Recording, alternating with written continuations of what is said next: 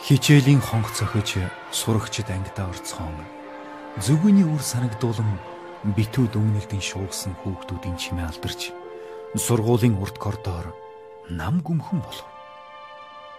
Ганц нэг нээлттэй хаалгаар хичээл зааж буй багш нарын бүдэг эндүү сонсов. За хүүхдүүд ээ өнөөдрийн хичээл ангиудын хаалганы эсрэг талын хананд нэрт зохиолчдын хөрхийг игнүүлэн хадаж зураг бүрийн доор нь алдар нэр гавья шагналыг нь үзэмжтэй сайхан бичсэн байгааг ин харахад уран зохиол их хэлний танхим энэ давхарт байдгийг илтгэв. Шатны хонглын хажуугийн буланд бусдаас нуугдах мэт тонгойн суусан чаахан борхуу шанаага тулан бодлогочрон байгааг шатаар уруудаж явсан захирал багш хараад Хөөй борхуу хичээлд орохгүй яагаад энд сууж байдаг вүлээ? Гэхэд урд сормуустай тас харнуудаа нэвцсэн хөөрхөн хүү толгоо хойлсээр босч зогсов. Танаа ангийнхан хичээлтэй үздэй гэхэд хэлгүй мэд дуурсангүй.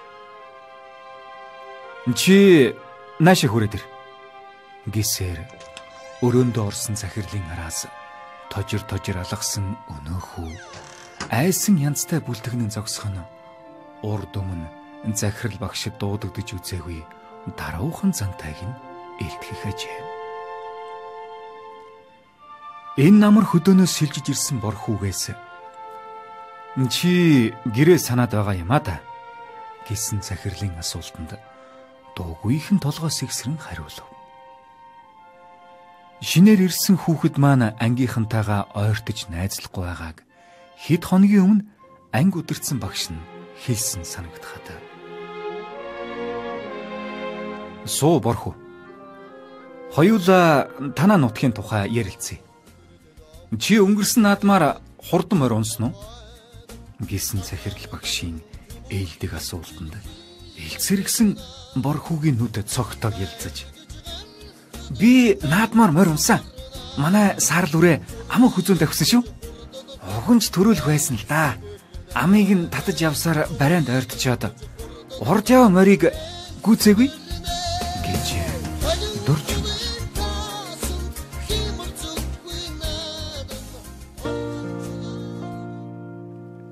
Борхоо минь чи ангийнхантайгаа найзалж байгаа үстэй гэсэн захирлын өдөөс дуугүй ихэн ширдсэн хүүгийн нүдэнд дахин гуниг сүмэлзэж бөмбөн нулимс гүйлгнээд ирэх шиг санагдлаа. Борхуу. Хоёулаа анги руу ч норё доо. гисээр босоход үг дүүгийнхэн даглаа. Захирал багшийг хаалга тогшин орж ирэхэд хүүхдүүд ярс хим босов. Сууцгаа хүүхдүүдээ.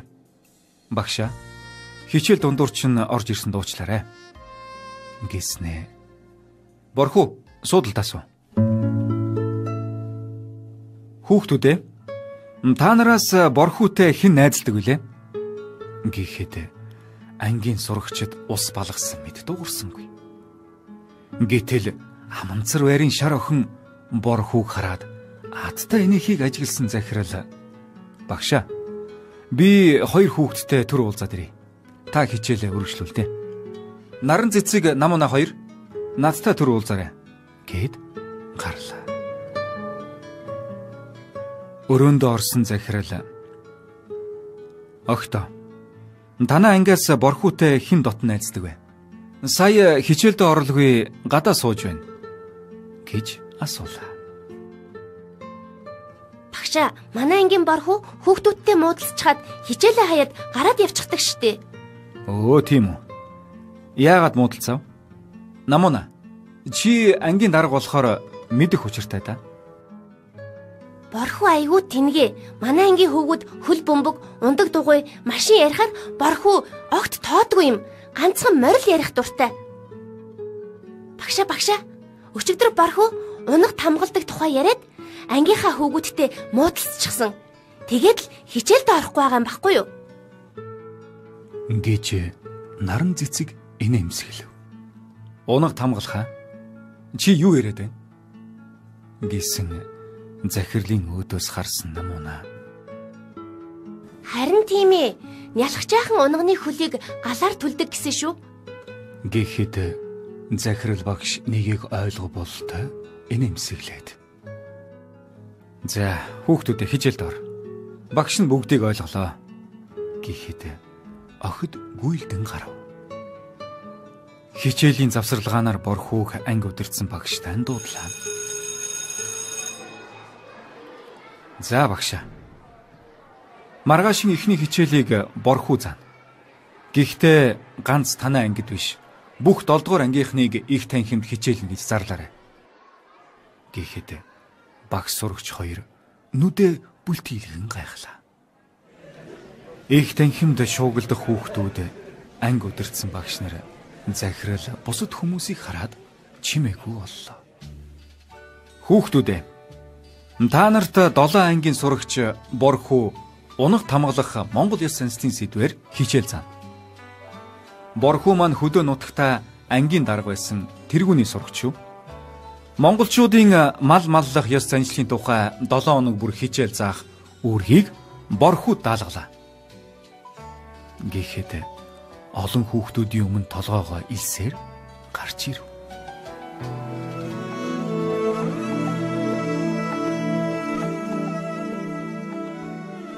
Нүүдэлч удмын монголчууд биднийг Тэнгэрийн тамхтай хүмүүс гэдэг. Хүүхдүүд бидэнд хөх тод байдаг үстэй. Тэр хөх минь бол зөвхөн монгол хүндэл Тэнгэрээс заяасан тэмдэг үлээ.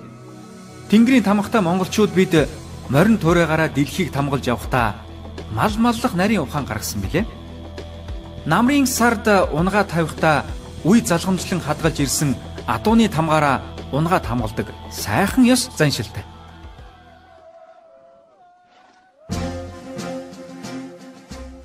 Зилний ойролцоо гал түлж тамга улаасхан гоногнуудаа тамгалаад тамга тасан болог гэж ирөөдөг.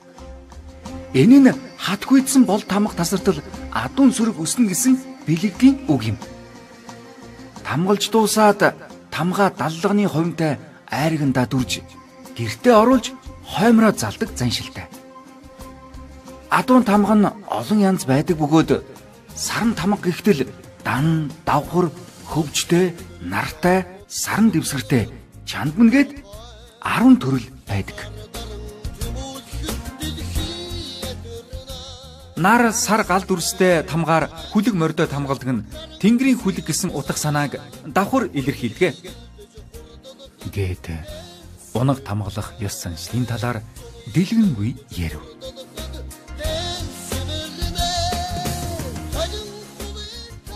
Борхүүг ярьж дуусахад бүх хүүхдүүд алга ташин баяр хүргэж захирал багш нэмсэглэн гар барихад сурагч борхүүгийн нүдэнд баяр хөөр гэрэлтэж байлаа.